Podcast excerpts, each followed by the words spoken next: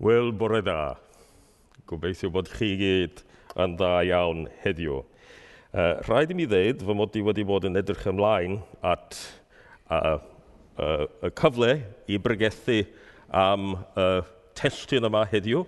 Dwi'n gyfarwydd iawn efo'r testyn a dwi'n meddwl bod y mwyafrif ohonyn ni yn gyfarwydd iawn efo'r testyn yma, sef actau 2, adnodau 1 i 11 a 3. Ac os da chi'n dilyn yn y Beibl, mae, mae angen bus yno jyst i cadw'r lle yn y Beibl neu ar y ffôn neu rhywbeth fel hyn. Ac mae'r mae testyn yma yn gyfarwydd iawn i mi achos mod i'n dysgu uh, yn aml iawn am y testyn yma ac i ganolbwyntio ar egwyddorion cenhadol ac ieithyddol sy'n dod allan o'r testyn yma ac yn arbennig mewn cysylltiad efo'n gwaith cenhadol ni. Ond wrth i mi ddechrau astudio a pharatoi ar gyfer y bregaeth heddiw, mi wnes i sylweddoli ar unwaith bydd yn amhosib i rannu popeth fy mod i isio rannu sy'n dod allan o'r testyn heddiw. Dwi'n meddwl bod angen uh, deg pregeth uh, ar y testyn yma i ddelio efo pob peth. Felly mae'n amhosib i mi siarad am bob peth fy mod i'n dymuno siarad am. Felly, da ni'n edrych ar rai pethau pwysig heddiw. Ac ar gyfer y bregeth heddiw, mae gennym ni ddwy ran i'r bregeth. Yn gyntaf, y byddwn ni'n edrych ar y testyn ei hun, ac wedyn y byddwn ni'n edrych ar rôl neu waith yr ysbryd glân. A sut mae'r ei waith ef yn amlwg yn ein bywydau ni.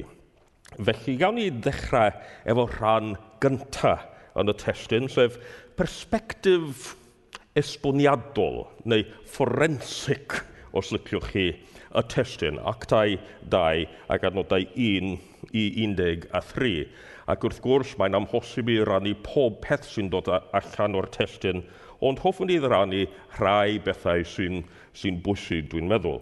A da ni'n dechrau efo edrych ar gyd-destun y testyn yma. A da ni'n ateb rhai cwestiynau am beth sy'n digwydd yma i ddechrau. Yn gyntaf, da ni'n gofyn y cwestiwn pryd mae hwn yn golygu.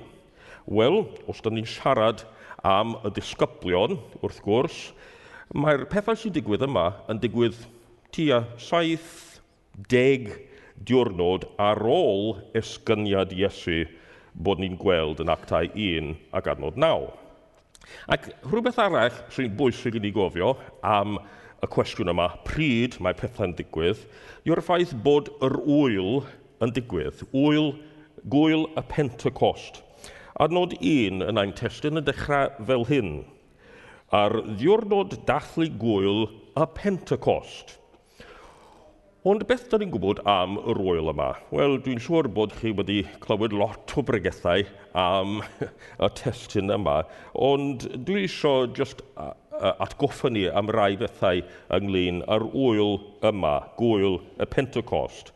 Os da chi eisiau gweld yn yr Hen Testament lle mae'r wyl yma'n cael ei sefydlu, da chi'n medru mynd yn ôl i Exodus ac Leviticus numeri uh, Deuteronomium ac yn ymlaen, ac yn gweld y testynau yma. Dwi ddim yn darllen y testynau yma ar hyn o bryd, ond da chi'n medru mynd yn ôl i'r hen testament i weld sefydliad yr wyl yma, gwyl y Pentecost. Ond heddiw, hoffwn i just atgoffa ni am rai bethau am y Pentecost y hun mae gwyl y Pentecost yn un o dair gwyl fawr yng nghalendr uh, i ddewig. Felly mae yna mae yna dair gwyl sy'n bwysig iawn iddyn nhw lle mae'r mae, mae bobl i gyd yn dod efo gilydd. A mae un o'r nhw.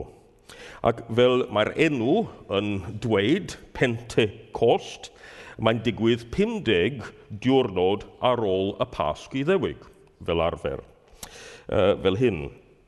Ac mae yna enwau eraill sy'n disgrifio'r wyl yma, gwyl y Pentecost. Weithiau da ni'n medru gweld y geiriau uh, gwyl wythnosau neu gwyl blaen ffrwythau. Ac wrth gwrs, mae hwn yn fwy gyfarwydd i ni. Uh, ar gyfer y Pentecost i ddewig, mae nhw'n offrymu tipyn o flaen ffrwythau i'r arglwydd fel arwydd a ddewyd diw ar gyfer y cynheuaf sy'n dod nes ymlaen. A mae hwn yn uh, bwysig iawn i ni a da ni'n medru gweld yr arwydd o cad yn eglir ac ar unwaith yma. Da ni'n medru gweld bod y pethau bod yr ysbryd glân yn gwneud ar y dydd yma, dydd y Pentecost, yn flaen ffrwythau a'i waith sy'n dod nes ymlaen. Neu fel da ni'n deud yn Tennessee, uh, you ain't seen nothing yet. Uh, y pethau bod ni'n gweld yma yn ail benod actau, dim ond blaenffrwydd gwaith yr ysbryd sy'n dod nes ymlaen.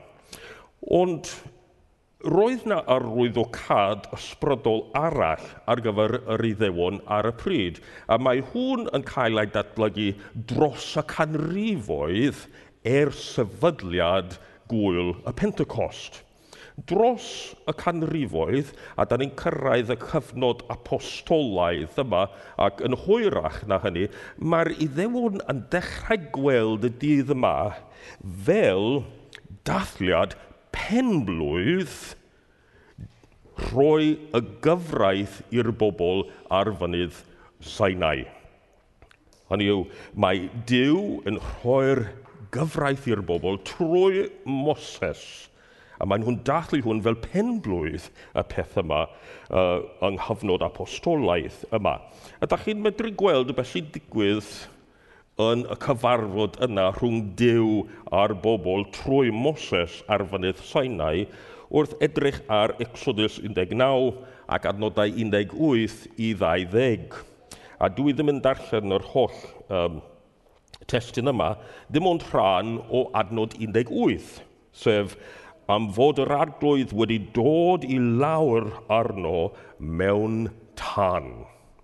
A bydd hwn yn atgoffa'r iddewon ar y pryd am beth sydd wedi digwydd, digwydd yn Exodus pan maen nhw'n dathlu'r Pentecost a maen nhw'n gweld nerth yr arglwydd trwy'r ysbryd glân yn disgyn, yn dod i lawr ar yr eglwys gynnar a da ni'n medru gweld y tân. Mae'n swnllid hefyd os da chi'n mynd yn ôl i exod y sydd ddarllen mwy am be ddigwyddodd ar y, uh, uh, uh, ddydd yna.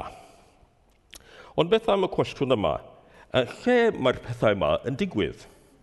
Wel, os da ni'n meddwl am y disgyblion, uh, yn fwy na thebyg, mae popeth yn digwydd yma yn ail benod actau uh, yn yr oriwch ystafell, bod ni'n gweld yn actau 1 ac adnod 13.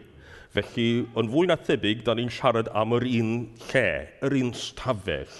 Achos nath Iesu ddeud wrth nhw i aros yma i dderbyn yr ysbryd glân. Felly, dydyn nhw ddim yn, yn mynd yn rhy bell o'r stafell yna. Felly, yn fwy na thebyg, ynglyn â'r disgyblion, da ni'n siarad am yr oriwch ystafell yma yn actau 2. Ac os da ni'n edrych ar y sefyllfa o safbwynt mwy eang, da ni'n siarad am Jerusalem. Dyma lle mae pethau'n digwydd, y prif ddinas. Uh, ddinas sy'n bwysig am lawr o resymau i'r bobl ar y pryd. Ond y cwestiwn ola, fel cyd-destun ar gyfer y destun, pwy sy'n cymryd rhan yn y pethau sy'n digwydd ar ddydd y Pentecost? Wel, unwaith eto, os da ni'n aros yn yr oriwch ystafell, sef stafell fyny grisia, os lyciwch chi, wel, unwaith eto, da ni'n siarad yn fwy na thebyg am yr un bobl. Y disgyblion bod ni'n gweld yn actau 1 ac adnod 15, sef y cant ac ugain, give or take, yma. Da ni'n siarad yn fwy na thebyg am yr un bobl, unwaith eto, dywedodd Iesu wrth, wrth nhw i aros yno er mwyn ydyn nhw dderbyn rhodd yr ysbryd glân. Felly, uh, da ni'n gweld y pobl yna. Ond beth am y bobl yn Jerusalem ar ddydd y Pentecost yma sy'n rhan o'r hanes, sy'n rhan o'r stori bod ni'n gweld yn ail benod uh, llyfr actau. Wel, yn ôl, yn ôl y testyn, da ni'n gweld bod nhw'n i ddewon o wledydd gwahanol sy'n byw yno. Adnod 5 yn y testyn. Bryd hynny roedd i ddewon crefyddol o wahanol wledydd wedi dod i aros yn Jerusalem. Felly, y bobl sy'n canrychioli bob rhan o holl wasgariad uh, yr iddewon ar y pryd. Ti mewn i'r ymrodaeth rhifeinig a, ac yn bellach na hynny hefyd, felly iddewon. A mae llyfr actau'n disgrifio nhw'n fel iddewon sy'n ffyddlon, pobl crefyddol, pobl o ddyfru. Mae nhw'n credu, mae nhw'n dod i ddathlu'r wyl bwysig yma efo pawb arall. Ac unwaith eto'n adnod 5, da ni'n gweld y gair crefyddol. Bydd bryd hynny roedd i ddewon crefyddol o wahanol wledydd wedi dod i aros yn Jerusalem. Hefyd, roedd na i ddewon a phroselatiaid i ddewig sy'n ymwelwyr. Mae nhw wedi dod yno, mae nhw'n ymweld a Jerusalem, a mae nhw wedi dod yno yn fwy na thebyg ar gyfer yr oel, gwyl y Pentecost. Ac yn adnodau 10 ac 11, da ni gweld y pobl yma. Pobl oedd ar ymweliad o rifain, rhai yn iddewon ac eraill yn bobl oedd wedi troi at y grefydd i ddewig. Felly, yn Jerusalem ar y, ar y pryd, mae'n awyrgylch aml diwylliannol, aml hiliol, a aml ieithog, eitha cosmopolitan os liciwch chi. Dyma'r sefyllfa.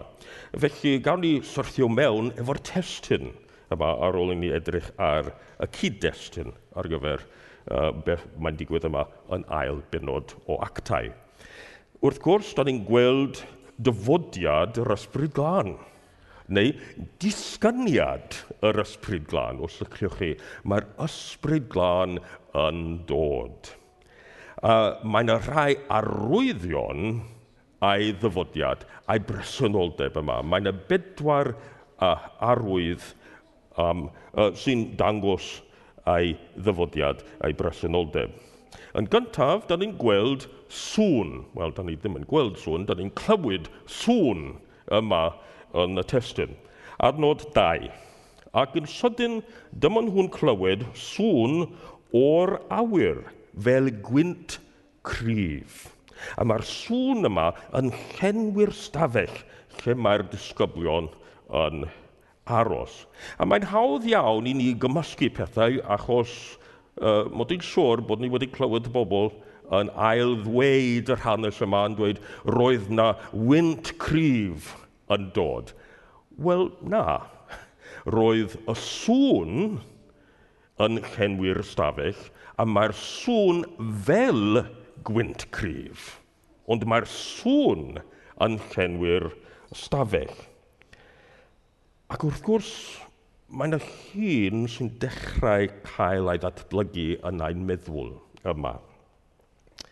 Y llun yma, mae'n mae nhw, y disgyblion yn cael ei trochi ymresynoldeb yr ysbryd glân. Mae'r sŵn wedi llenwi'r lle, a mae'r disgyblion yno hefyd. Ac ar unwaith, da ni'n meddwl am y llun bedydd yma, ac wrth gwrs mae e, Lyg yn dweud yn actau penod 1 ac anod 5, mae'n atgoffa a'i ddarllenwyr am eria Iesu wrth y disgyblion cynta sy'n dweud y bydd rhaid iddyn nhw brofi bedydd yr ysbryd glân. A da ni'n gweld beth sy'n digwydd yma. Y sŵn sy'n llenwi'r stafell a mae'r disgyblion yma. Yr ail arwydd bod ni'n gweld yn y testyn yw tan. Tan. Dwi'n newydd siarad am arwyddocad tan tân yn y Beibl, yn y Testament, yn yr Hen Testament ac yn y Testament newydd. Ac wrth gwrs, os da ni'n meddwl am beth sydd wedi digwydd ar fynydd Sinai, da ni'n gweld y tân. A mae tân yn yr Hen Testament yn canrachioli ei bresenoldeb agos a gogoneddus ymhlith a'i bobl. Ond yn ein testyn ni, lle mae'r tân? adnod 3. ac wedyn roedd fel petai rhywbeth tebyg i fflamau tân yn dod i lawr ac yn gorffwys ar ben pob un ohonyn nhw. Da ni'n gweld y tân a dwi'n siŵr bod y bobl o draddodiad i ddewig yn meddwl am fynydd, fynydd Sinai hefyd y tân sy'n dod lawr, neu'r tân sy'n dod uwch ben y tabernacl yn yr anialwch ac yn ymlaen. Y trydydd arwydd yma yn y testyn. Da ni'n gweld bod y disgyblion yn y stafell yma yn cael eu llenwi efo'r ysbryd glân. Adnod, mae adnod pedwar yn dechrau fel hyn. Dyma pawb oedd yno yn cael eu llenwi ar ysbryd glân. Ar ddechrau, dyn ni'n gweld bod ystafell yn cael ei, ei, llen, ei llenwi, ac rwan mae'r bobl yn cael ei llenwi efo presenoldeb Dyw, efo'r ysbryd glân. A da ni'n cyrraedd y pedwerydd uh, arwydd yma, arwydd ola yn y testyn, mae nhw'n siarad yn ieithoedd eraill a gwahanol. Mae adnod pedwar yn mynd ymlaen wrth ddweud ac yn dechrau siarad mewn ieithoedd eraill yr ysbryd oedd yn ei galluogi nhw i wneud hynny. Iaith neu ieithoedd. Yn, yn y testyn groeg, mae yna ddau air sy'n cael ei gyfieithu yn Gymraeg ac yn Saesneg yn, yn bron bob iaith fel iaith neu ieithoedd.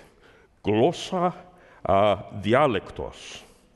Ac mae'r gair glosa yn fwy gyfarwydd i ni. Uh, da ni'n uh, ffeindio'r gair, da ni'n gweld y gair glosolalia, sy'n dod o'r gair yma glosa. Uh, Mae'r gair glosa yn medru um, golygu dau beth. Mae'n medru golygu iaith arbennig ac hefyd mae'n medru golygu tafod. A dyma ystyr y gair, a da ni'n gweld y gair yma yn adnodau 3, 4 ac 11. Wrth gwrs, yn adnod 3, da ni ddim yn siarad am glosa fel rhywbeth bod y bobl yn glywed, ond i weld. Dyma sut mae, uh, mae Luke yn disgrifio y fflamau, fflamau tân, uwchben bob un ohonyn nhw, tafod uh, tân yma. Ac wedyn, mae'n defnyddio gair arall, ddialectos. Uh, Mae'r gair yma'n cael ei ddefnyddio ddim ond yn llyfr actau yn y testament newydd. Ac uh, da ni'n gweld hwn yn adnodau 6 ac 8. A mae hwn yn siarad am modd, am fodd i siarad sy'n arbennig i lle arbennig, ardal arbennig.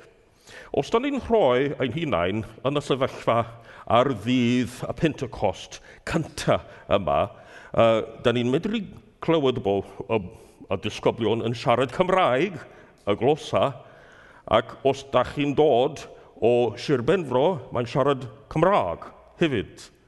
Mae'n siarad efo chdi, a mae'n siarad efo bobl o Benegroes ac o Ben.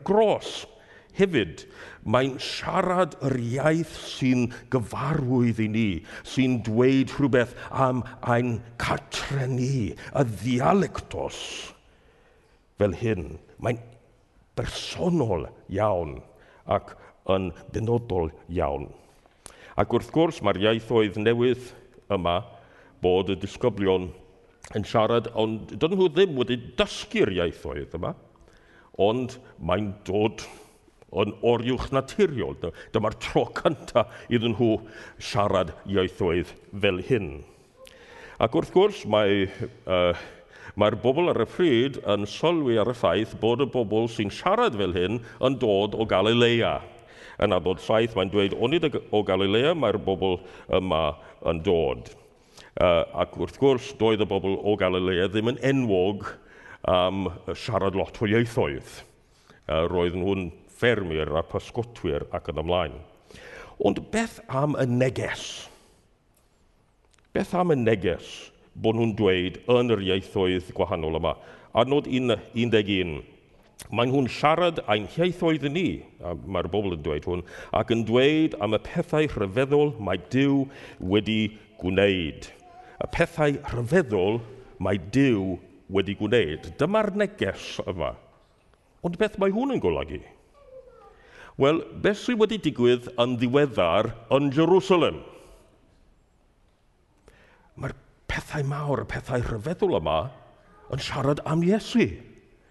Am enedigaeth, bywyd, dysgeidiaeth, gwenidogaeth, dioddefaint, marwolaeth, atgyfodiad ac esgyniad Iesu Grist. Dyma'r pethau rhyfeddol, pethau mawr yma. A da ni'n medru gweld llawer o ymat, ymat uh, ymatebion y bobl. Ac uh, mae gen i lot o wybodaeth am hynny, ond dwi'n meddwl bod hwn yn gyfarwydd iawn i ni. Mae bobl yn ymateb mewn ffyrdd gwahanol, a mae yna rhai eria yn y groeg sy'n disgrifio ymatebion uh, y bobl ar y pryd.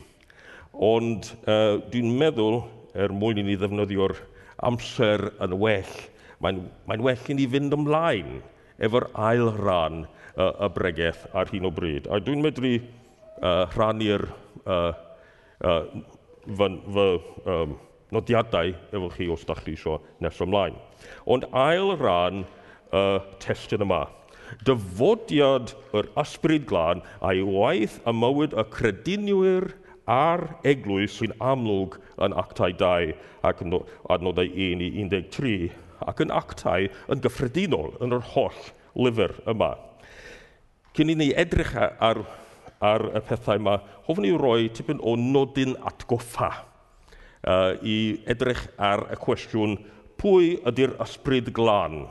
Ac wrth gwrs, mae'n bosib i bregethu lot o bregethau am y pwnc yma. Felly dwi'n dweud jyst rhai bethau i'n hatgoffa ni. Yn gyntaf, pan da ni'n siarad am yr ysbryd glân, da ni'n siarad am berson ddim peth. Weithiau pan mae bobl yn siarad am yr ysbryd glân, mae'n siarad amdano fel grym amhersonol, fel y ffos yn Star Wars, neu rhywbeth fel hyn. Na, mae'r ysbryd glân yn berson. Hefyd, mae'r ysbryd glân yn ddiw. Trydydd person y drindod. Mae'r ysbryd glân yn ddiw. E, yn, yn drydydd, da ni'n medru gweld y cysylltiad rhwng esgyniad Iesu a disgyniad yr ysbryd glân. A da ni'n medru gweld tipyn am sut mae'r drindod yn cydweithio pob person efo'i gilydd. Mae Iesu yn cyferio y disgyblion at yr ysbryd glân. A mae Iesu yn dweud, mae'n well i mi fynd er mwyn i chi brofi'r ysbryd glân. Ac pethau fel hyn, a mae'r tad yn edrych ar Iesu yn yr efengelau a dweud, o, dyma fy mab anwyl. A mae'r ysbryd glân yn cyferio bobl at Iesu ac yn ymlaen, a dyn ni'n medru gweld y, y, y, y tri pherson yn y drindod yn cydweithio yma. Ac wrth gwrs, mae'r ysbryd glân yn amlwg yn actau. Da ni'n gweld yr ysbryd glân yn yr hen testament, ond ddim llawer o weithiau yno. Ond mae'r ysbryd glân yn amlwg, yn fwy amlwg, yn y testament newydd. A mae'r testament newydd yn defnyddio'r geiriau ysbryd glân yn y drefn yma, cant ac un o weithiau. Ond yn llyfr actau, mae'n defnyddio'r geiriau ysbryd glân 44 o weithiau. A dim, dim ond yn y benod gyntaf, mae'n defnyddio'r geiriau ysbryd glân pum gwaith. Felly mae'r ysbryd glân yn amlwg iawn yn llyfr actau. Ac wrth gwrs mae enw swyddogol y llyfr yn actau'r apostolion. Ond mae'n y lawr o bobl sy'n dweud, ella, basau'n well i ni ddeud actau'r ysbryd glân fel enw'r llyfr yma. Wel, gawn ni edrych ar rôl neu gwaith yr ysbryd glân ym mywyd bob un ohonyn ni sy'n dilyn Iesu Grist.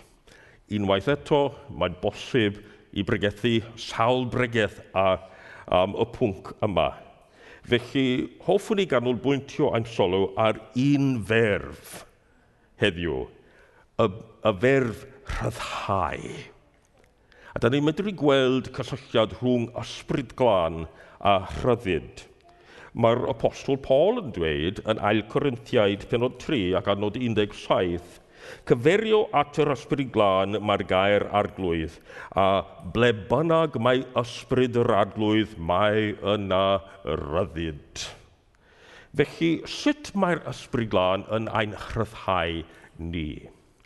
Wel, mae gen i rhai bethau i awgrymu heddiw fel ateb i'r cwestiwn yma. Yn gyntaf, dwi'n credu bod yr ysbryd glân yn rhyddhau'r galon ddynol fel paratoad i dderbyn yr ddengil. Da ni'n gweld hwn yn adnod 11.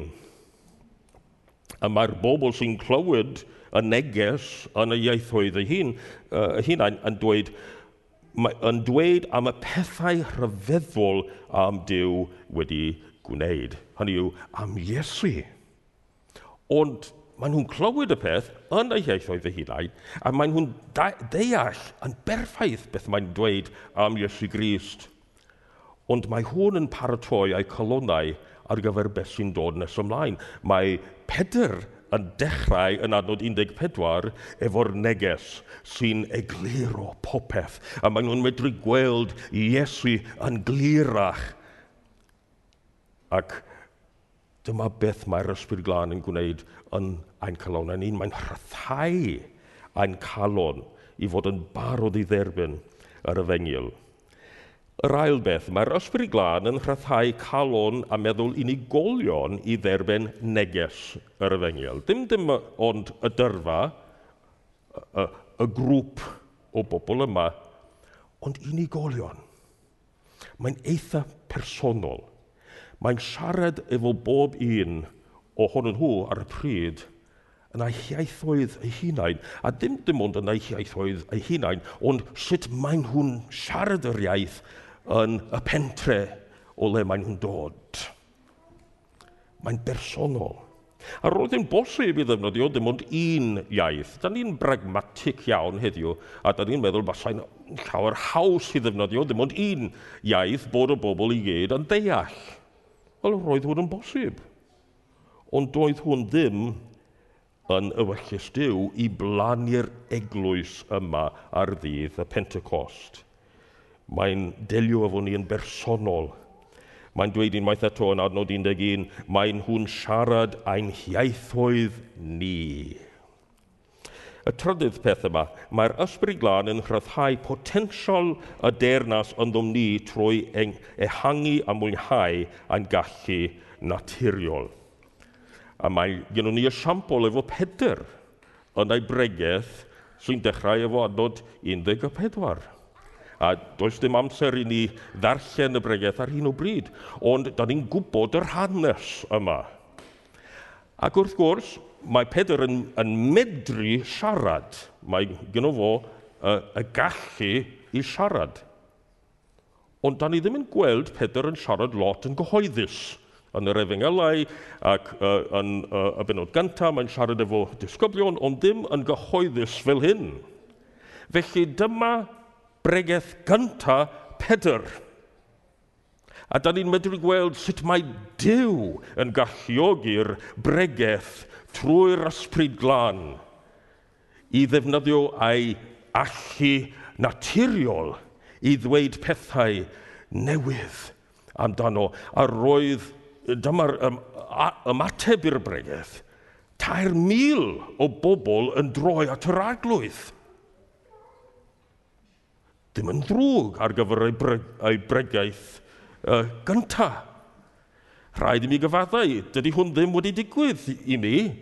Uh, pan dwi'n pregethu, dwi'n hapus uh, os does neb yn cysgu tra mod i'n pregethu. Dwi, o, oh, y wyn, da iawn. Ond dyma'r peth, mae, mae'r ysbryd lan yn rhyddhau potensiol y deyrnas, ddim ein potensiol, ond potensiol y deyrnas.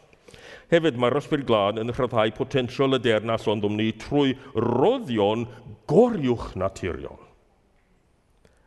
Mae'n galluog i ni i gwneud pethau hollol newydd i ni, fel y disgyblion sy'n siarad ieithoedd gwahanol. Adnod pedwar, dyma pawb oedd yno yn cael eu llenwi ar ysbryd glân ac yn dechrau siarad mewn ieithoedd gwahanol uh, uh, eraill. Yr ysbryd oedd yn ei galluogi nhw i wneud hynny. Ac wrth gwrs, mae'r testament newydd yn galw'r rhoddion yma charismata, rhoddion gras o'r gair charis yma.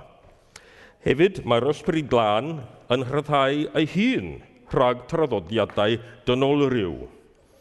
A dwi eisiau bod yn, yn glir am hynny, Wrth gwrs, does dim angen ar ddiw. Mae diw yn hollalliog ac yn holl bresonol. Ond trwy ein traddodiadau, weithiau da ni'n trio rhoi diw yn ein bocsys ni. Da ni'n trio rheoli diw yn lle i ni gael ein rheoli gan ddiw. Er enghraifft, yn uh, yr Hen Testament, da ni'n gweld y tân yma, mynydd Seinau, uwch, uh, tân uwchben y tabernacl yn yr anialwch, ond lle mae'r tân yn llyfr actau? Yn y testament newydd? Wel, yn actau 2 ac adnod 3, mae'n dweud, ac wedyn roedd fel petai rhywbeth tebyg i fflamau tân yn dod i lawr ac yn gorffwys ar ben pob un ohonyn nhw. Mae'n geiriau eraill, yn yr Hen Testament, os wyt ti'n dymuno bod ym mhresonoldeb Dyw lle mae'n rhaid i ti fynd yn y hen testament? Wel, mae'n rhaid i ni fynd i'r tabernacl neu i'r deml i brofi personoldeb Dyw. Ond efo dyfodiad yr ysbryd glân yn y testament newydd, os ti'n dymuno bod ym mhresonoldeb Dyw, lle wyt ti'n mynd? Wyt ti'n mynd lle bynnag wyt ti'n ffeindio ei bobl ef? mae'r ysbryd glad yn symud ni o lle sanctaidd i bobl sanctaidd. A mae ei bresonoldeb yn unrhyw le lle da ni'n ffeindio ei bobl ef. A da ni'n cyrraedd y peth ola yma. Dwi'n siŵr bod yna pethau eraill, ond dyma'r peth ola uh, am sut mae'r ysbryd yn ein rhyddhau ni. Mae'r ysbryd glân yn rhyddhau ni i gymryd rhan yn ei gynllun ar gyfer y cenhedloedd, hynny yw yr holl fyd. Mae'n gwahodd i ni fod yn rhan o'i dernas. Er mwyn i ni gyrraedd efo'r efengil trwy ein nerth bobl o bob chwyth ac iaith, hil a chenedl, er mwyn i bawb gael y cyfle i glywed yr efengil yn newyddion da. A dyma'r peth. Dyma y wyllus diw, dyma cynllun diw i'n defnyddio ni fel ei bobl trwy nerth yr ysbryd glân i gyrraedd y byd. A rhywbeth arall sy'n bwysig iawn i ni gofio. Does na ddim plan B. Mae'r eglwys, mae dinasyddion y dernas yn y canllun, canllun diw, i gyrraedd o'r holl fyd. Felly gobeithio bydd hwn yn rhoi tipyn bach mwy o wybodaeth i ni am be ddigwyddodd ar ddydd y Pentecost ac hefyd sut mae'r ysbryd yn ein rhyddhau ni i wasanaethu, i gynhadu, i wynidogaethu ac i addoli fel mae Dyw yn dymuno. Er mwyn ei enw. Amen.